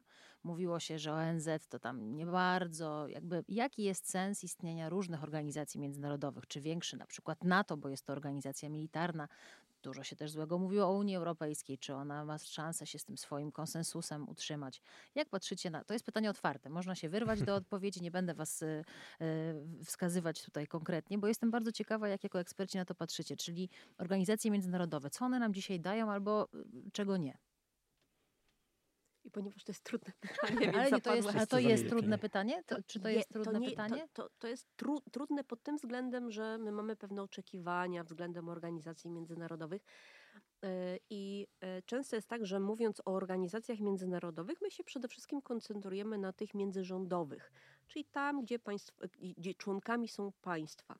Natomiast mamy świat zglobalizowany, sieciowy, gdzie coraz wyraźniej aktorami międzynarodowymi stają się nie państwa i organizacje międzyrządowe, tylko mm, korporacje. Koncerny jakieś. Koncerny, też, tak? prawda? One, okay. one one mają coraz większe znaczenie, bo nie byłoby, y, nie byłoby problemu, gdyby na przykład na nie wiem, na ceny ropy naftowej wpływały tylko państwa. Mamy wolny rynek, mamy korporacje, mamy interesy zglobalizowanych y, państw. Nie byłoby też takiego wielkiego problemu na przykład z uregulowaniem pewnych kwestii y, w sferze internetu, czy tego porządku tak, cyfrowego, tak. Y, gdyby nie także giganci w tej sferze i tak dalej, i tak dalej. Więc mamy nowy y, znaczy mamy nowy, nową strukturę porządku wpływających na porządek, tak? Tak, więc to już nie jest ten świat, który my, na który my często patrzymy tak z perspektywy tego klasycznego, tego mitycznego znowu realizmu, ale ten mityczny realizm, on się staje coraz bardziej taki fikcyjny, mhm. taki, prawda, to jest tylko kalka. Jeżeli ktoś mówi jestem realistą, to znaczy ja od razu zaczynam być zaniepokojona, bo myślę, mm chyba trochę jakby może, może nie do końca tak jest, że dzisiaj ten realizm wystarcza, żeby rozumieć mhm. politykę międzynarodową. A co jest potrzebne, żeby rozumieć politykę no międzynarodową? No właśnie, trzeba wiedzieć, że to nie tylko liczą się państwa i organizacje międzyrządowe, że jest cała mhm. masa innych uwarunkowań, że świat nie jest taki, takim koncertem mocarstw, o którym marzy prezydent Putin i marzą realiści tacy klasyczni, którzy myślą, że polityka to jest taki stół bilardowy. No właśnie, te karty rozdane. Karty rozdane, prawda? Albo mamy te wielkie bile, które tam się, prawda, przesuwają, Aha. zbijają. Nie, mamy, i to dzisiaj widać za sprawą wojny w Ukrainie, mamy świat absolutnie zglobalizowany i sieciowy. I to nie jest tak, że ta, toczy się wojna między dwoma państwami, ale ona się toczy w całym systemie, prawda? Znaczy my, my poprzez te połączenia takie jak, jak, jak w sieci wywieramy wpływ, jesteśmy uzależnieni. Nie ma czegoś tego, nie ma tej mitycznej autarki, o której marzą realiści, mówiąc, powinniśmy być super, ultra suwerenni. Więc ja wtedy zwykle mm, wybucham takim trochę pustym, żałosnym śmiechem, mówiąc, no dzisiaj w XXI wieku, w porządku dzisiejszym międzynarodowym, nie ma szans na bycie stuprocentowo Suwerenny. niezależnym, Mhm, suwerennym, pewnie. bo funkcjonujemy w innym świecie, więc i, ale ciągle mam takie marzenie i to jest mm, znowu mój taki mm, śmiech przełzy. E, Ja bym chciała, żeby ONZ pozostało takim filarem porządku międzynarodowego. To wychodzi ze mnie trochę takie, prawda, takie z, czasów studentków, studenckich Nie no, ale marzenie, żeby świat wishful był thinking piękny. tak zwane, tak? Tak jest, ale e, jednocześnie wiem, że to jest organizacja szalenie cenna. Aha. Gdyby nie było ONZ, trzeba byłoby ONZ wymyślić i założyć, ale to jest, e, to jest głęboko e, zerodowana Mhm. struktura, która ciągle funkcjonuje w warunkach 45+, plus, to znaczy porządku właśnie. powojennego. No właśnie, no właśnie, panowie, no to może jakaś taka redefinicja tych organizacji międzynarodowych, tylko jaka? No? No to jest oczywiście bardzo trudne. Ja się w pełni zgadzam z tym, że ten e, realistyczny tylko z nazwy model e, stosunków międzynarodowych jako takiego stołu bilardowego z kulami, które się zderzają, ale są w gruncie rzeczy od siebie wielkie mapy na ścianie. niezależne prawda? i Tak, można no to można abstrahować jakby od tego, co się dzieje w środku i co się dzieje pomiędzy, tak, że te interakcje między państwami w gruncie rzeczy pozostawiają je nienaruszone i nie musimy się w ogóle zajmować tym, co się dzieje w środku, całą tą Mhm. takim tym społecznym zapleczem. Tak oczywiście nie jest, ale w tym sensie też to realistyczne spojrzenie na, yy, na organizacje międzynarodowe, które miały być w gruncie rzeczy no, skazane na porażkę, bo były wyłącznie takimi forami, gdzie się ścierały te interesy narodowe i one były w wiecznym klinczu. I w gruncie rzeczy jedyny sensowny sposób no, to jest kongres wiedeński, gdzie się dogadują te wielkie e, mocarstwa i, i, i tyle. To już też odchodzi do przeszłości. To znaczy nie można oceniać ani ONZ-u, ani Unii Europejskiej tylko Ani przez pryzmat tak. Zgromadzenia Mhm. Narodowego czy Parlamentu Europejskiego. Rozmaite wyspecjalizowane agendy czy tak. komisje odgrywają dużo większą rolę, Jasne. zarówno jeśli chodzi o dostarczanie, e, no tak jak UNHCR, prawda? Znaczy bez Mhm. UNHCR-u, mm, no nie wiem, czy mielibyśmy w Polsce od razu kryzys humanitarny, bo I czy jednak, Gaza moni- by przetrwała? bo jednak Mhm. mobilizacja polskiego społeczeństwa była ogromna, ale byłoby na pewno dużo trudniej, Trudniej, prawda? I dużo trudniej też byłoby tym wszystkim uchodźcom przybywającym do Polski, e, dostającym w ramach ochrony tymczasowej dostęp do e, 500 plus lekarza i edukacji, ale tak naprawdę pieniądze na, na rozruch dosta, dostawali od UNHCR-u, prawda? Mhm. I tak samo jest z rozmaitymi, z rozmaitymi komisjami e, unijnymi, które w gruncie rzeczy dużo więcej regulują, czy, czy, czy, czy jakby o wie, wielu sprawach decydują, Decydują bardziej niż w tak. taki normatywny Mhm, sposób, Jasne. niż to, co się dzieje na tych wszystkich forach takich e, międzynarodowych, gdzie się ścierają te, faktycznie Mhm. te interesy międzynarodowe. Więc niejako te organizacje międzynarodowe już same się troszkę po, po cichu Ta specjalizacja, pozmieniały pozmieniały się to i, i specjalizacyjnie zreformowały, trochę. prawda? To Mateusz, się dzieje troszkę bardziej za zamkniętymi drzwiami. No Ja może o NATO, w pozytywnym kontekście tutaj jednak patrząc na polityczny ten szczebel, no tutaj jeżeli zajdziemy na bardziej szczegółowe, to już mamy dowództwo wojskowe, ćwiczenia i tak dalej, tutaj to się wszystko sprawdza, ale politycznie NATO w pewnym sensie moim zdaniem pokazuje, że jednocześnie, że nadal Że warto. jednak, że warto, że nadal No tak. 30, no, licząca e, 30 państw organizacja Nowe jest doszły, zgłosiły tak, się, tak, prawda? dokładnie. Mhm. Jest w stanie przetrwać, jest nadal atrakcyjna. Oczywiście to jest wyspecjalizowana działka dotycząca bezpieczeństwa w sytuacji, kiedy wydarzył się kryzys, zagrożenie dla bezpieczeństwa innego państwa. Tutaj atrakcyjność sojuszu się nagle zwiększyła, e, ale ona trwała właściwie od zimnej wojny. To, że tak dużo państw dołączyło sukcesywnie w kolejnych latach, moim zdaniem jest to argument, że w wyspecjalizowanych dziedzinach, tu nie chcę mówić tylko o obronności wyłącznie, ale tam, gdzie to jest potrzebne, organizacje międzynarodowe nadal będą atrakcyjne. Nie dla wszystkich, pewnie nie, nie da się zawsze interesu pogodzić wszystkich państw i na forum ONZ, gdzie mamy 190 ponad państw, no to nie da się, e, nie, nie, da się ws- współpracować jednogłośnie. E, Rada Bezpieczeństwa została jednocześnie tak pomyślana dobrodusznie, że no, każdy z graczy będzie prze, przestrzegał zasad prawa międzynarodowego, a tak się niestety nie dzieje. To już jest kwestia no, nawet moralności chyba e, ludzkiej bardziej niż, niż, niż czystej polityki. Cóż, cóż z tym zrobić? Natomiast w tym wyspecjalizowanej dziedzinie ja nadal dostrzegam, dostrzegając oczywiście to, że mamy korporacje e, i inne kwestie, od, odchodzenia od realizmu, nadal organizacje międzynarodowe, jeżeli będą funkcjonować zdrowo, i to jest klucz, mogą być atrakcyjnym Mhm. sposobem współpracy dla państw, nie tylko w relacjach wzajemnych. To jeszcze jedno naiwne pytanie. E, żyjemy, tak jak Agnieszka powiedziałaś, że jest globalizacja, są pewne problemy, które dotyczą nas wszystkich. I teraz cały świat, czy mu się to podoba, czy nie, stoi w obliczu e, kryzysu klimatycznego, czy zagrożenia. E, no po prostu może się okazać, że za chwilę będziemy mieli problem z tym, gdzie mieszkać. Oczywiście jedne państwa dotyczy to bardziej, inne mniej, ale czy i to jest jedno z wyzwań, przecież pandemia też była globalną pandemią. Na ile ten ład międzynarodowy jest y, gotowy odpowiedzieć jednym głosem na globalne zagrożenia? Nie partykularne problemy gdzieś tam między państwami gospodarcze, tylko no na przykład wynikające właśnie z sytuacji ekologicznej czy, czy klimatycznej czy jakaś taka, takie porozumienie, myślę sobie o tym słynnym filmie Don't Look Up, tak? Nie mhm. patrz w górę, tam były te transmisje, że różne kraje globalne, z, tutaj leci kometa, więc my wszyscy razem próbujemy się jakoś, czy w ogóle sobie wyobrażacie takie połączone siły międzynarodowe przeciwko jednemu wrogowi, tak? Którym może być na przykład właśnie, nie wiem, czy jakiś kolejny wirus, czy, czy to mm, postępujące zagrożenie klimatyczne. Ja przed pandemią powiedziałabym, że mm, jestem dosyć sceptyczna.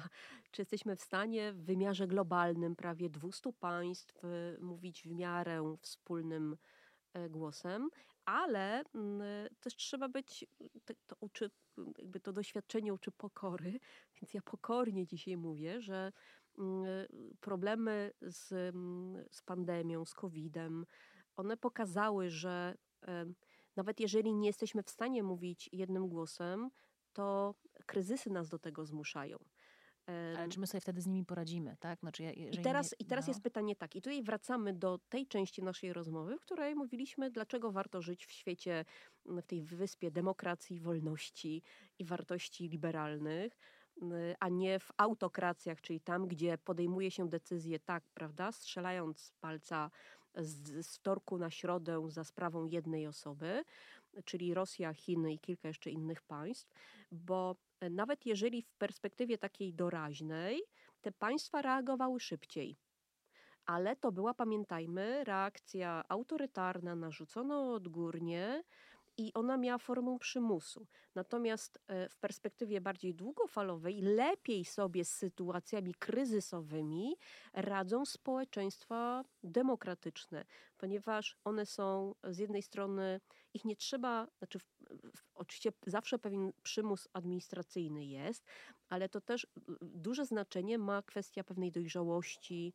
prawda? Takiego, takiej współpracy i empatii, to znaczy to, także te, takiej świadomości tego, przed jakim zagrożeniem stoimy. Czy jest to pandemia, czy, to są, czy są to zmiany klimatyczne. I ja oczywiście zaraz mogę być skontrowana, że mm, w Europie wprawdzie dbamy o klimat i nie używamy plastiku, ale w Stanach Zjednoczonych jest to trochę inaczej. Już w ogóle w Chinach ja nie myślę, ma tego że każdy problemu. się porówno dokłada tutaj to. Oczywiście, ale, ale, ale kwestie problemów globalnych, one są, będą narastać i coraz częściej będziemy mieli do czynienia. No tylko czy będziemy umieli sobie z tym właśnie ale, poradzić, tak? I, ale ja ciągle jestem optymistką. Ja nie mówię, że może naiwną i hura optymistką, ale ja dostrzegam jedno, że każdy, każdy taki kryzys globalny, on nas czegoś uczy. Pandemia to udowodniła. Wiemy, z jakimi problemami mamy do czynienia i coraz bardziej okazuje się, że y, nie chodzi o tą wielką politykę i takie ścieranie się interesów wielkich państw, bo to pastwisko jest wspólne, prawda? To jest ten termin socjologiczny. Sprawa jest nasza wspólna, więc coraz bardziej będziemy w polityce mieli do czynienia z czymś takim, co my nazywamy zarządzaniem globalnym. Tak? Znaczy pewną taką... No właśnie, zarządzanie globalne, bardzo ciekawe tak, to jest tak, pewna taka forma, taki jakby nie tyle pomysł, ale, y, ale hmm. jakby kwestia taka, że coraz bardziej powinniśmy wspólnie zarządzać wspólnymi problemami. Klimat, zdrowie, e, nierówności. Oczywiście na to się nakładają egoizmy narodowe, ale to jest, to jest rzeczywistość No dobrze, ale mówisz, że tak powinniśmy, że ty jesteś optymistką. Jak będzie, Mateusz? Ja jestem pesymistą w kontrze i to też trochę z powodu pandemii. Ostatecznie mieliśmy chińskie i rosyjskie szczepionki, które w Unii Europejskiej i Stanach Zjednoczonych nie zostały dopuszczone. Amerykanie ułożyli sobie górkę ze szczepionek 3 czy 4 razy większą niż mieli zapotrzebowanie, jednocześnie blokując zamówienia dla, do innych państw zamożnych, a tym bardziej tych, które potrzebowały e, państw rozwijających się, które nie miały nawet możliwości dopchania się w terminie i dopiero w pod koniec 2021 roku, czy na, na początku tego roku kalendarzowego zaczęły otrzymywać pierwsze dawki szczepionek.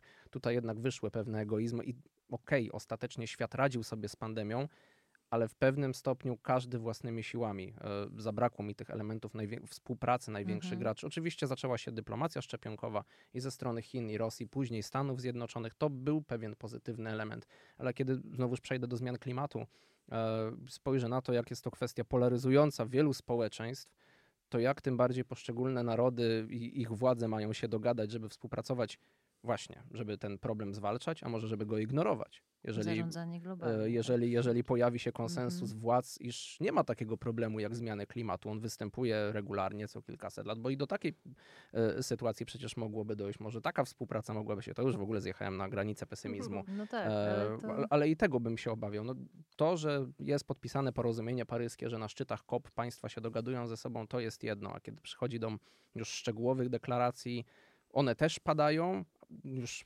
przytrzymam się nawet tych Stanów Zjednoczonych. To, że Joe Biden zapowiedział redukcję emisji o połowę do 2030 roku, to nadal nie jest powiedziane, że to się uda zrealizować. Ostatnio przyjęta ustawa stawia bardzo dobrze Stany na drodze do realizacji tego celu, ale jeszcze nie w pełnym stopniu.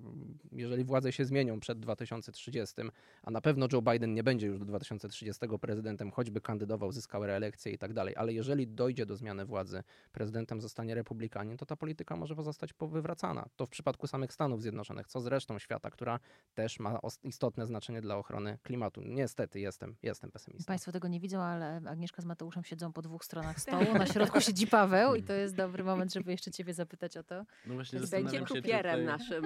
Czy, Wyłonił się. Trudno, trudno mi tu zająć jakąś pozycję centralną, to nie sposób, no prawda? No tak. Natomiast e, no ja jestem umiarkowanym sceptykiem pewnie, w tym sensie, że najbardziej jestem sceptyczny paradoksalnie wobec tych krajów demokratycznych, dobrze rozwiniętych e, i no, powiedzmy cieszących się dobrobytem i sytych.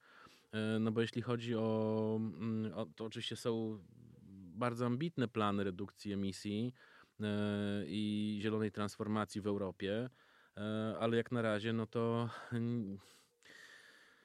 no one pozostają w sferze planów. I jest tak wiele, no jest tak wiele też jakichś partykularyzmów i interesów, które, które przeciwko temu e, pracują, również takich ekonomicznych, no bo jednak nie da się ukryć, że mówimy bardzo dużo o ubóstwie energetycznym i o tym, jak ubóstwo energetyczne też blokuje zieloną transformację, no ale nie czarujmy się, że najbardziej do mm, zwiększania śladu węglowego poszczególnych państw przyczyniają się najzamożniejsi obywatele, hmm. prawda? E, którzy podróżują bez umiaru y, samolotami i, i, generują no, dużo większy ślad węglowy niż, niż najubożsi. Więc bardzo trudno jest przekonać najuboższych do solidarności klimatycznej w sytuacji, kiedy mamy najzamożniejszych, którzy wydają się być wyłączeni kompletnie z takiego paktu solidarnościowego. I to dotyczy też państw, no bo jeśli chodzi na przykład o Chiny, to mówiąc szczerze, przy całej jakby szkodliwości niektórych y, działań takich no, industrializacyjnych i uprzemysłowienia chińskiego, no to jednak wydaje się, że poziom, y, znaczy, że ślad węglowy na osobę przy tak ogromnym skoku PKB, jakiego dokonały Chiny, jest nieporównywalnie mniejszy niż na przykład w krajach europejskich czy Stanach mhm, Zjednoczonych tak. w, w, w, u szczytu ich jakby rozwoju no, gospodarczego, oczywiście. prawda? Mhm. Jest tym krajom na dorobku, takim jak Indie czy Chiny, e, udaje się e, rozwijać bez przekroczenia czy przebicia tego sufitu e, emisyjnego. Czego nie można powiedzieć, nie można było powiedzieć, to już mleko się zresztą rozlało, o tych krajach, które się rozwijały najszybciej w okresie tej industrializacji, prawda, XIX-wiecznej czy nawet w XX wieku, prawda? Mhm. Więc e, mm, o ile mówiono jakiś czas temu, że największym problemem będą właśnie te najuboższe kraje, czy te kraje, które się rozwijają, no bo one będą posługiwały się tym argumentem, no popsuliście klimat, jak się rozwijaliście, a teraz zabraniacie nam zrobić to samo no te kraje jednak, one wiedzą często, jak to zrobić, y, jak to zrobić lepiej i jak uniknąć tej pułapki. Mm -hmm. Czasami to jest w ogóle być albo nie być. No popatrzmy na przykład na takie obszary Indii jak, jak Rajasthan, prawda, które w ogóle, znaczy ta pustynia rajasthańska by się rozrosła jakoś niesłychanie, gdyby tam doszło do y, rzeczywiście jeszcze większego ocieplenia klimatu. Dlatego no, budują na przykład ogromne, y, całe takie po prostu wielohektarowe farmy z bateriami słonecznymi, żeby jednak przechodzić zdecydowanie na dużą skalę w stronę energii odnawialnej, Odnawialnej. Mhm. e, czego nie da się powiedzieć o bardzo wielu krajach wysoko rozwiniętych, No, prawda? E, I co jeszcze się staje problematyczne w czasie kryzysu energetycznego wywołanego wojną, prawda? Holandia nagle rozważa powrót do eksploatacji swoich niemałych wcale złóż gazu naturalnego, Mhm. ziemnego, prawda? Ale mogę... y, tak, Ostatnie zdanie, bo ja chcę Kropla jeszcze jedno miodu. pytanie, a to, ale ostatnia, kropel, malutka krop- kropeleczka Kropelka taka. miodu, y, mm, ale popatrzmy, jak świat, z jakich kryzysów wychodził, jaki postęp uczynił. Czas y, odegra swoją rolę. Ja nie mówię, że będziemy w świecie idealnym żyć za mm, dekadę czy dwie, ale mm, y, wierzmy w społeczeństwo to międzynarodowe, coraz bardziej obywatelskie, w coraz bardziej uświadomione y, narody, to znaczy nawet do Polski, kraju, który mm, przez prawda, długi czas w zasadzie my negowaliśmy zmiany klimatyczne, e, a tra tragedia w Odrze udowodniła także sceptycznemu rządowi Prawa i Sprawiedliwości, że mm, no, nie można negować faktów. E, Ale ja jeszcze e, jakby doceniam jedną rzecz i to, są, to jest ostatnia, to jest ta kropeleczka. Zobaczmy, jak e, Rosjanie, którzy chcieli, czy Chińczycy, którzy chcieli prawda, kupić sobie przychylność globalnego południa państw, nie wiem, Bliskiego Wschodu czy Afryki, wysyłając tam e, swoje szczepionki, zwłaszcza robili to Rosjanie, szybko się okazało, że te szczepionki były odsyłane, bo one były, jakby nie spełniały swojej roli, nie były tymi, e, co Rosjanie zapowiadali, więc Rosjanie na swoim oszustwie często wychodzili wbrew pozorom gorzej niż, niż by chcieli.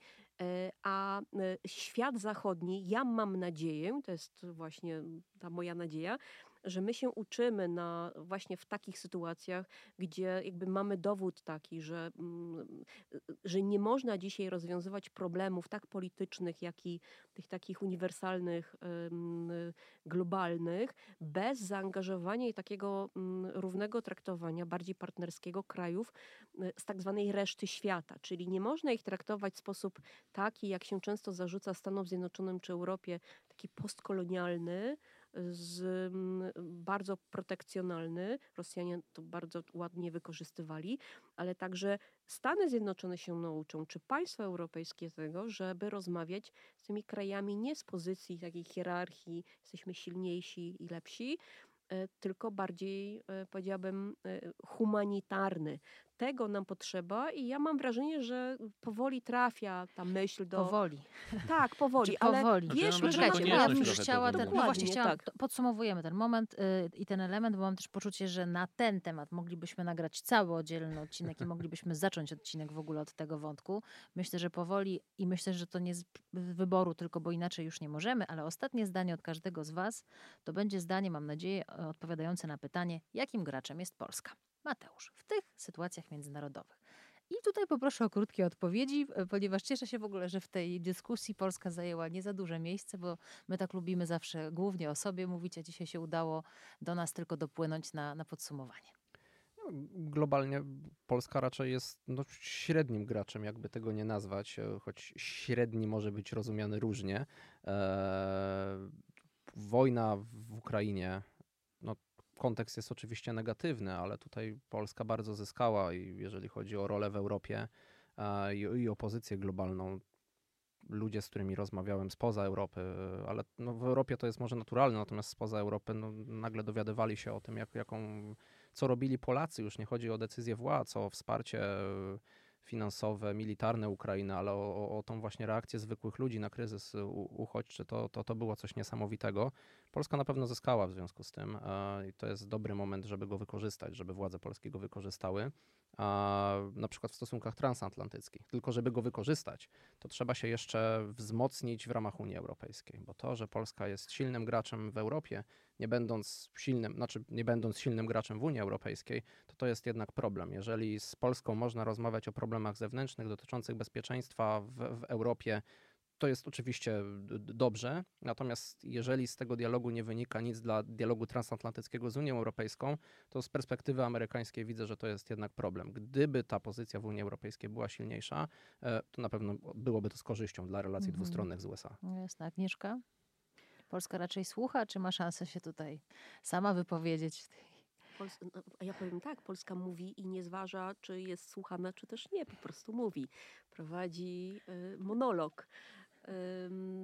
To niestety ostatnio tak wygląda, mm, więc y, sytuacja dzisiaj mm, daje nam faktycznie szansę, żeby po pierwsze mieć szansę na wzmocnienie, a po drugie, ale do tego faktycznie musimy absolutnie nie tyle przeprosić się z naszymi partnerami europejskimi, ale nauczyć się w końcu grać w grę europejską. To znaczy nie robić dzikich awantur, i nie, i nie godzić się, może udawać, że problemu nie ma e, z na przykład z praworządnością, e, tylko zrozumieć, że jesteśmy państwem E, świata zachodniego, że jesteśmy zakotwiczeni w wartościach zachodnich, a więc prawo, ale, a więc wartościach, które związane są z prawem, z liberalizmem, z demokracją i tak dalej.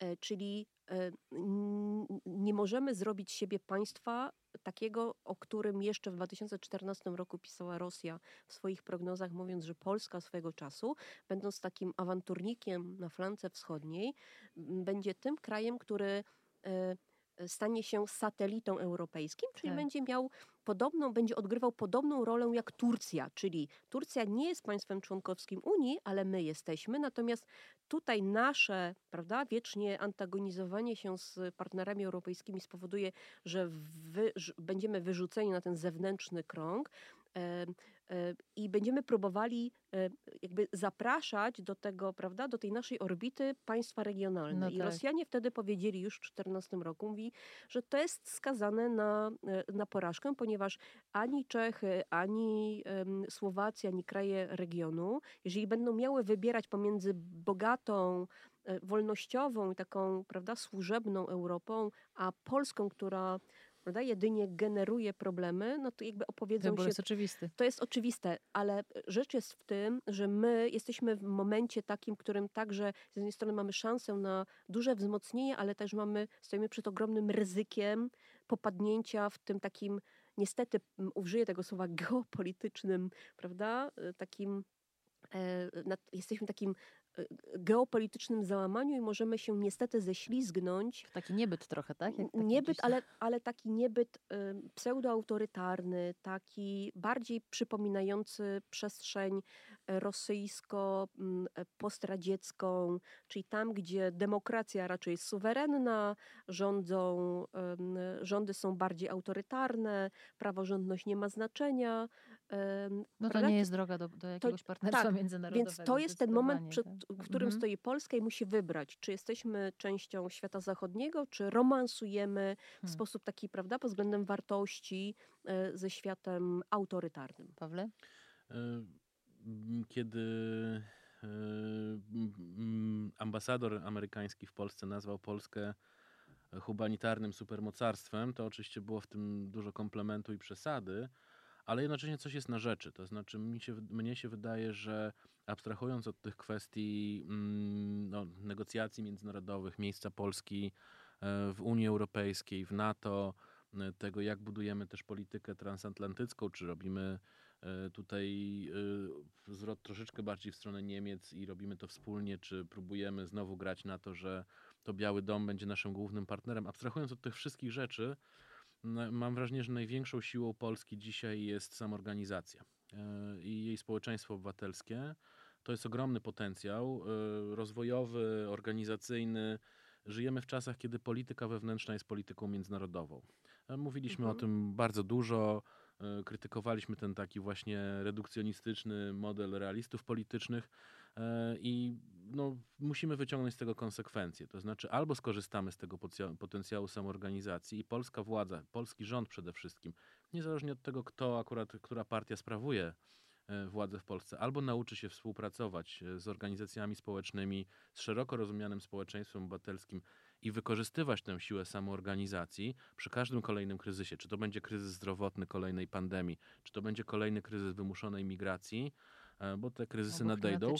I wtedy Polska mhm. będzie rzeczywiście jakimś wzorem cywilizacyjnym, będzie odgrywała dużo silniejszą rolę we wszystkich tych gremiach, o których mówiliście wcześniej, albo się tego nie nauczy i dalej będzie takim średnim krajem, który będzie gdzieś tam stroszył piórka i próbował budować jakieś regionalne małe sojusze. Więc mam wrażenie, że albo e, ten potencjał samoorganizacji zostanie wykorzystany i wtedy rzeczywiście będziemy, może nie globalnym graczem, ale graczem, z którym e, będzie trzeba się liczyć, e, albo nie i będziemy dalej takim niedużym państwem gdzieś w środku Europy, które próbuje być większe niż jest. Karty na stole, zobaczymy jak będą, komu e, karta podejdzie, a komu nie bardzo. Swoją drogą bardzo Wam dziękuję, bo mam takie wrażenie, że prawie cały świat nam się udało spakować do naszej dzisiejszej rozmowy. Prawie, no bo jednak na pewno nie o każdym państwie powiedzieliśmy co nieco, ale o wielu e, tak. Agnieszka Bryc, Paweł Marczewski, Mateusz Piotrowski, Justyna Dżbik-Kluge. Mm, dobrego świata Wam życzę i pięknie Wam dziękuję za rozmowę, za nagranie podcastu Premiera Pisma. Do usłyszenia. Dziękujemy, wielkie dzięki. Dzięki. Dzięki.